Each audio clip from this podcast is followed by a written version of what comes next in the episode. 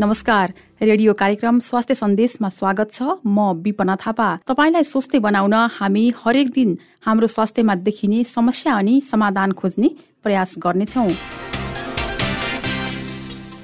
Radio Candid ninety two point seven मेगाहजमा कार्यक्रम स्वास्थ्य सन्देश। तपाईँले हाम्रो website W W W dot radio Candid dot कममा हाम्रो आधिकारिक फेसबुक पेज रेडियो क्यान्डिडको एप्स डाउनलोड गरेर तथा पोडकास्टमा समेत सुन्न सक्नुहुनेछ।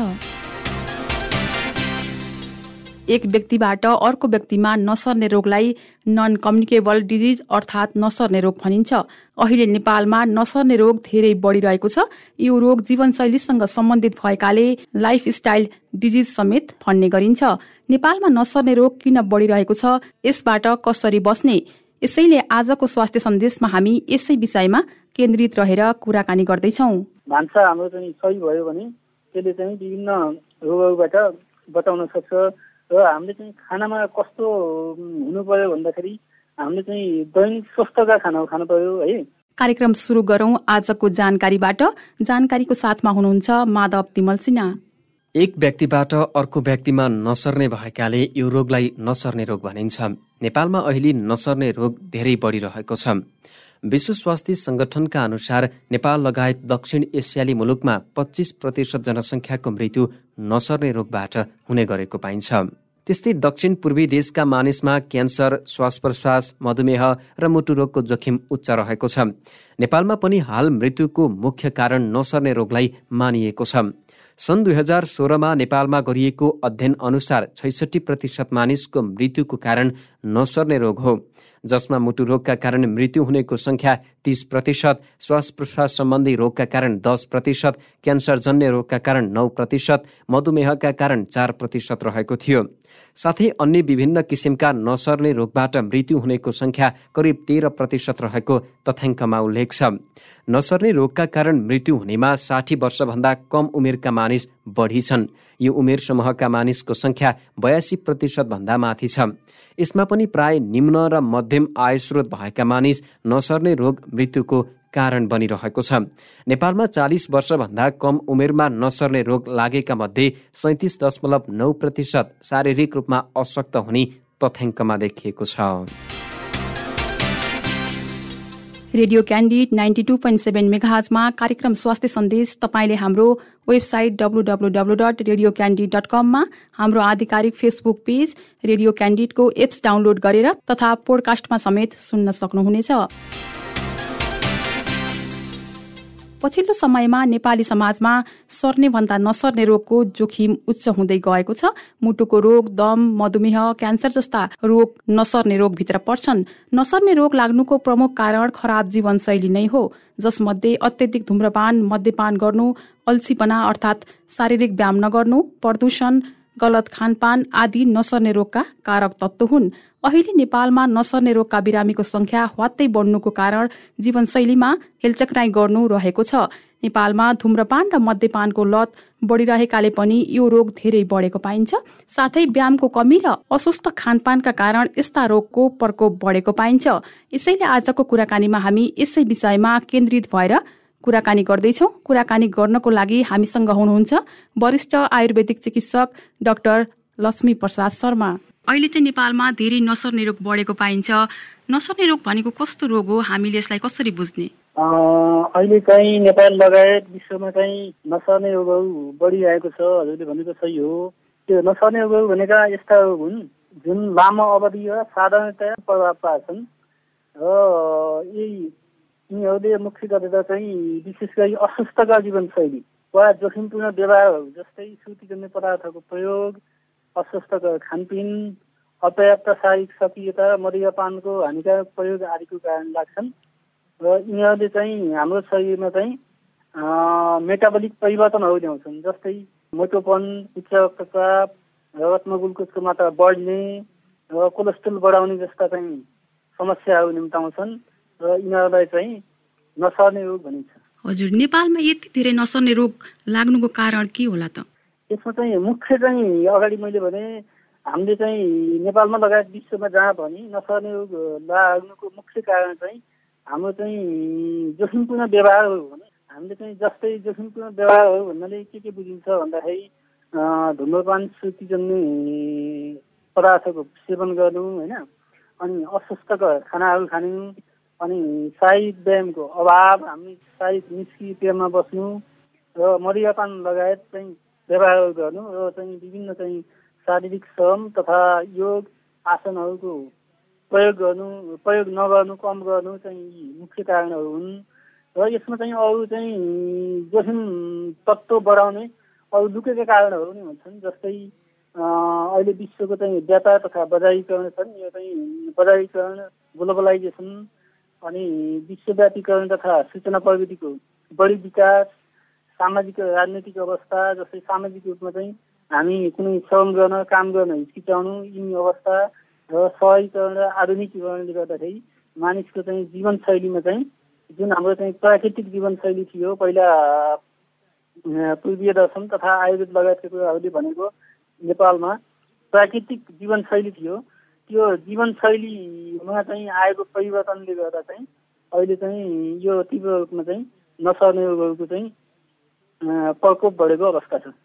हजुर अहिले त यो युवा पुस्तामा पनि धेरै देखिएको छ नसर्ने रोग होइन?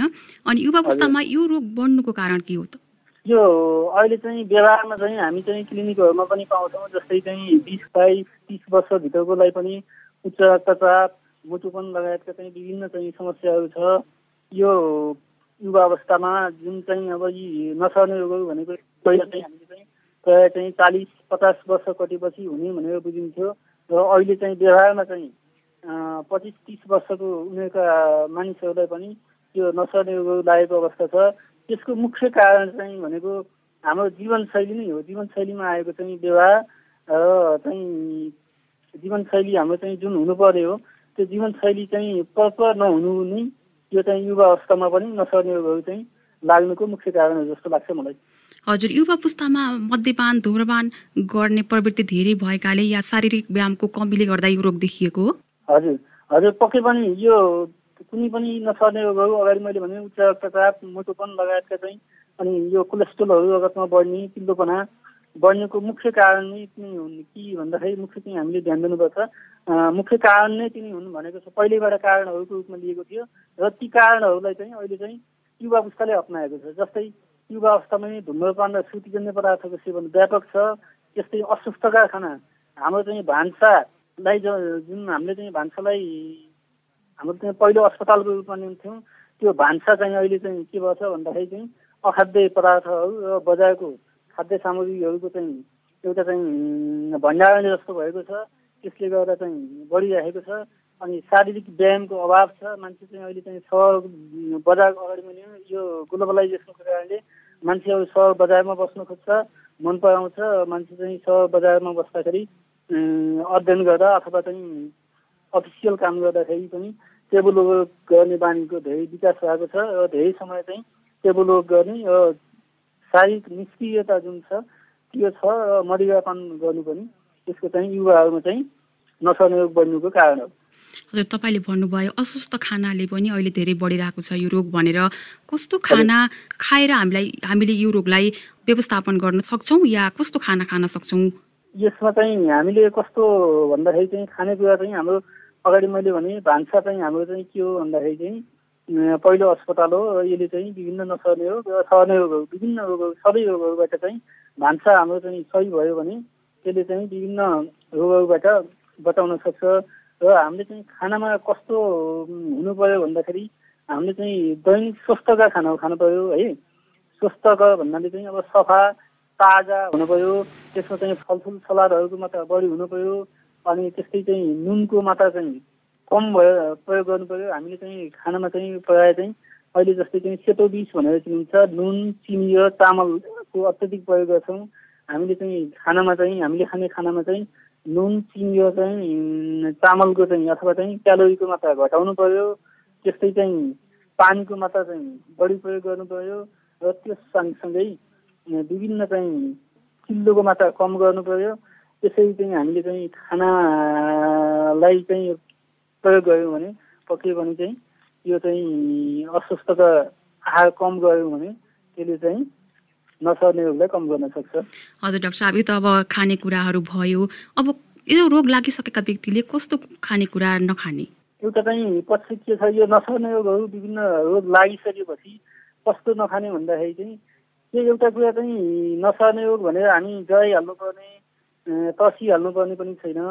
यो चाहिँ के छ भन्दाखेरि चाहिँ बिस्तारै हुन्छ लामो अवधि लिन्छ र सुस्त गतिमा प्रभाव पार्छ यसले है। अनि हामीले चाहिँ त्यो खानेकुराहरू चाहिँ अथवा कुनै हाम्रो व्यवहारहरू चाहिँ लामो समय प्रयोग गर्दाखेरि यसले चाहिँ रोगको दिने हो र हामीले बेलैमा सुरुमै चाहिँ यी व्यवहारहरूलाई र खानेकुराहरूलाई चाहिँ रोकथाम गर्न सक्यौँ भने यी रोग लाग्नबाट बचिन्छ जस्तै चाहिँ बाल्यावस्था युवा अवस्थामा नै स्वस्थकर जीवनशैली अप्नाएमा पनि वयस्क अवस्थामा चाहिँ गएर यी नसर्ने रोग लाग्नबाट बच्न सकिन्छ। यदि यी नसर्ने रोगहरू प्रारम्भिक अवस्थामा नै पत्ता लगाएर व्यवस्थापन गर्न सकियो भने चाहिँ त्यसले चाहिँ ल्याउने जटिलता र चाहिँ मृत्युबाट चाहिँ बच्न सकिन्छ। त्यही भएर त्यो जटिलताबाट बच्नको लागि हामीले कस्तो खाना खाने भनेर हजुरले क्वेसन सोध्नुभयो। कस्तो खाना खाने भन्दाखेरि अगाडि मैले भने सफा हुनु पऱ्यो स्वस्थ हुनु पऱ्यो अनि विभिन्न चाहिँ फलफुल र सलादहरूको मात्र तरकारीहरूको मात्र बढी हुनु पऱ्यो चामलको मात्र चाहिँ कम हुनु पऱ्यो र हामीले खाने तरिका छ हेबिट त्योमा पनि चाहिँ आयुर्वेद अनुसार के भन्छ भने हामीले खाना खाँदाखेरि चाहिँ पेटलाई चाहिँ हाम्रो चाहिँ आमाशयलाई चार भागमा बाँडेर दुई भागमा दुई भाग खानेकुराले भर्ने भनेको चाहिँ हामीले खानाको मात्रा चाहिँ कम खानु पर्यो दुई भाग खानाले भर्ने एक भाग पानीले भर्ने र बाँकी चाहिँ अरू वायु अथवा हावाको लागि चाहिँ त्यो घुल् घुल्नको लागि सञ्चालन हावा सञ्चालन गर्नको लागि छोड्ने भन्छ। त्यो भएर चाहिँ हामीले खानेकुरा खाँदाखेरि चाहिँ त्यसरी मिलाएर सन्तुलित भोजन गर्नु पर्यो अहिले यो रोग अब मध्यम र न्यून आय भएका वर्गमा धेरै देखिएको भन्ने सुनिन्छ। यसमा कतिको सत्यता छ? यो न्यून मध्यम भने उच्च आय वर्ग भएका पनि देखिन्छ। यो चाहिँ त्यो जीवनशैलीमा चाहिँ व्यवहारगत चाहिँ प्रक्रियाबाट हुने हुनाले यो चाहिँ मध्यम र न्यून आय पहिला चाहिँ पहिला पहिला चाहिँ यसलाई चाहिँ उच्च आय भएका धनी व्यक्तिहरूलाई लाग्ने रोगहरू भनेर नसर्ने रोगहरू जस्तै यो मृत्युको रोग मधुमेह भनेर चिनिन्छ भने अहिले चाहिँ बिस्तारै चाहिँ हाम्रो चाहिँ खानपान र जीवनशैलीमा आएको परिवर्तनले गर्दाखेरि मध्यम आय भएका व्यक्तिहरूमा पनि जीवनशैलीमा आएको परिवर्तनले गर्दाखेरि यसमा पनि आएको छ। त्यस कारणले त्यसै हेर्दाखेरि यो मध्यम र न्यून भन्दा पनि सबै अहिले चाहिँ अहिले चाहिँ यो अहिलेको अवस्थामा चाहिँ सबै वर्गका मानिसहरूलाई चाहिँ त्यो नसर्ने रोगहरूको प्रकोपले छोएको छ र पीडित छन् भन्न सकिन्छ रोग लागिसकेपछि यो रोगको व्यवस्थापन कसरी गर्ने? अब यो रोगको व्यवस्थापनको लागि चाहिँ सबैभन्दा पहिला त आयुर्वेदमा चिकित्सा अनुसार मुख्य दुईवटा चाहिँ उद्देश्यहरू छन् आयुर्वेदको होइन? जस्तै स्वस्थ व्यक्तिको स्वास्थ्य रक्षा गर्नु भन्छ एउटा प्रमुख उद्देश्य। र दोस्रो उद्देश्य के हो भन्दाखेरि चाहिँ रोग लागेपछि रोग लाग्नु नदिनु। अब यसमा चाहिँ आयुर्वेदका पुस्तकहरूमा ग्रन्थहरूमा के छ भन्दाखेरि चाहिँ धेरै कुराहरू लगभग आयुर्वेद लिटरेचरको असी प्रतिशत भाग चाहिँ स्वस्थ व्यक्तिको स्वास्थ्य रक्षा गर्नको लागि विभिन्न कुराहरू वर्णन गरिएको छ र ती कुराहरूले चाहिँ नसर्ने रोगहरूलाई चाहिँ बचाउन सकिन्छ। अब यो लागिसकेपछि भन्दा नि हामीले चाहिँ यो के गर्नुपर्ने छ शिक्षा दिनुपर्ने प्रचार प्रसार गर्नुपर्ने कुरा के छ भन्दाखेरि चाहिँ हामीले यी नसर्ने रोगहरू लागिसकेपछि व्यवस्थापन त गर्नु नै पर्यो। त्योभन्दा पहिला यो नसर्ने रोगबाट बच्नको लागि चाहिँ विभिन्न एवारनेस प्रोग्रामहरू चाहिँ बढाउनु पर्ने आवश्यकता छ। त्यसमा चाहिँ हामीले चाहिँ मुख्य रूपमा चाहिँ म तपाईँलाई भन्छु यो नसर्ने रोगबाट बच्नको लागि हामीले मुख्य पाँचवटा कुराहरूमा ध्यान दियौँ भने त्यसबाट बच्न सकिन्छ। मुख्य पाँचवटा विषयहरू के के छन् भन्दाखेरि त्यसलाई चाहिँ हामीले एबिसी अङ्ग्रेजी अल्फाबेट अनुसार एबिसिडिई भनेर चाहिँ त्यसलाई चाहिँ बुझ्न सक्छौँ। जस्तै ए फर एभोइड अल्कोहल मदिरापान नगर्ने। दुई नम्बरमा B B for be physically active भनेको शारीरिक रूपमा सक्रिय रहने। र तिन नम्बरमा C C for cut down on salt and sugar नुन र चिनीको कम प्रयोग गर्ने। नम्बर चारमा अथवा D don't use tobacco product अर्थात् सुतिजन्य पदार्थको सेवन नगर्ने र पाँचमा अन्तिम चाहिँ E for eat plenty of fruits and vegetables भनेको फलफुल र सागसब्जी प्रशस्त खाने भनेर चाहिँ त्यसरी चाहिँ यी मुख्य चाहिँ नसर्ने रोगमा जुनसुकै नसर्ने रोगमा पनि यी एबिसिडिई भनेको यी मदिरापान नगर्ने शारीरिक रूपमा सक्रिय रहने नुन र चिनीको कम प्रयोग गर्ने सुतिजन्य पदार्थको सेवन नगर्ने र फलफुल र सागसब्जी प्रशस्त खानाले चाहिँ यो रोगबाट चाहिँ बच्न सकिन्छ। र यदि भइहाल्यो भने चाहिँ हामीले के गर्न सक्छौँ भने यसको व्यवस्थापनमा चाहिँ यसको व्यवस्थापनमा चाहिँ के गर्न सक्छौँ भन्दाखेरि हामीले जस्तै एक नम्बरमा चाहिँ हामीले जीवनशैली व्यवस्थापन गरेर चाहिँ जस्तै तौल नियन्त्रण गर्न सक्छौँ एक नम्बरमा हामीले है। हाम्रो चाहिँ शरीरको हाइट र उचाइ अनुसार चाहिँ तौल चाहिँ मेन्टेन गरेर चाहिँ यो कम गर्न सक्छौँ त्यस्तै चाहिँ शारीरिक सक्रियता बढाउन सक्छौँ। जस्तै मानिसले चाहिँ एक हप्तामा कम्तीमा चाहिँ एक सय पचास मिनट चाहिँ शारीरिक श्रम चाहिँ बढी हेभी शारीरिक श्रम गर्न सक्छौँ।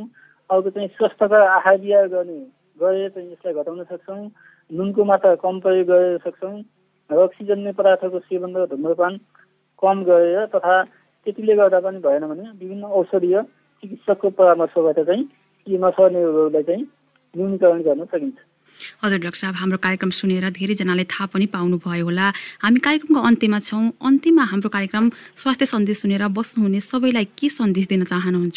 अहिले विश्वमा डब्लुएचओ भनेको विश्व स्वास्थ्य सङ्गठन र नेपालको चाहिँ स्वास्थ्य अनुसन्धान परिषदको चाहिँ अनुसन्धान अनुसार नेपालमा पनि सत्तरीदेखि पचहत्तर प्रतिशत मान्छेहरू मृत्यु चाहिँ नसर्ने रोगको कारणले भएको छ। र यो चाहिँ एउटा चाहिँ अहिले व्यापक चाहिँ के छ जनस्वास्थ्य चाहिँ जनस्वास्थ्यको मुख्य समस्याको रूपमा चाहिँ यो नसर्ने रोगहरूको प्रकोप रहेको हुन्छ रहेको छ।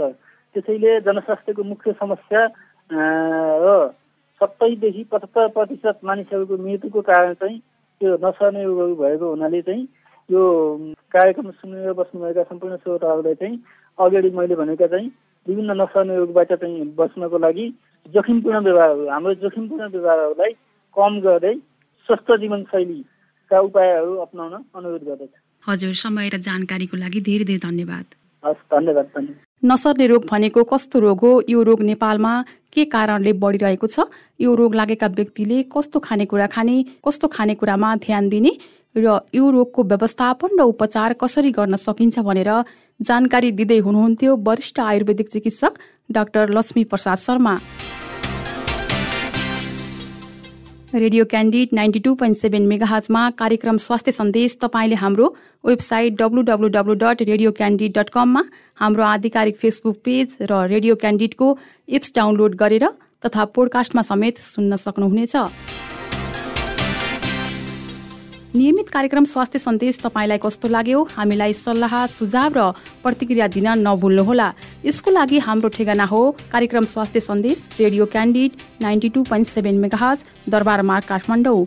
यस्तै हामीलाई हाम्रो फेसबुक पेजमा म्यासेज तथा इमेल ठेगाना radio Candid ninety two point seven at the rate Gmail dot कममा मेल गर्न सक्नुहुन्छ। हवस् त नियमित कार्यक्रम स्वास्थ्य सन्देश भोलि यही समयमा फरक विषयवस्तुका साथ उपस्थित हुनेछौँ। कार्यक्रम अवधिभर प्रविधिमा साथ दिने सृजना भुजेल सहित कार्यक्रम स्वास्थ्य सन्देशबाट विपना थापा बिदा हुन्छु। नमस्कार।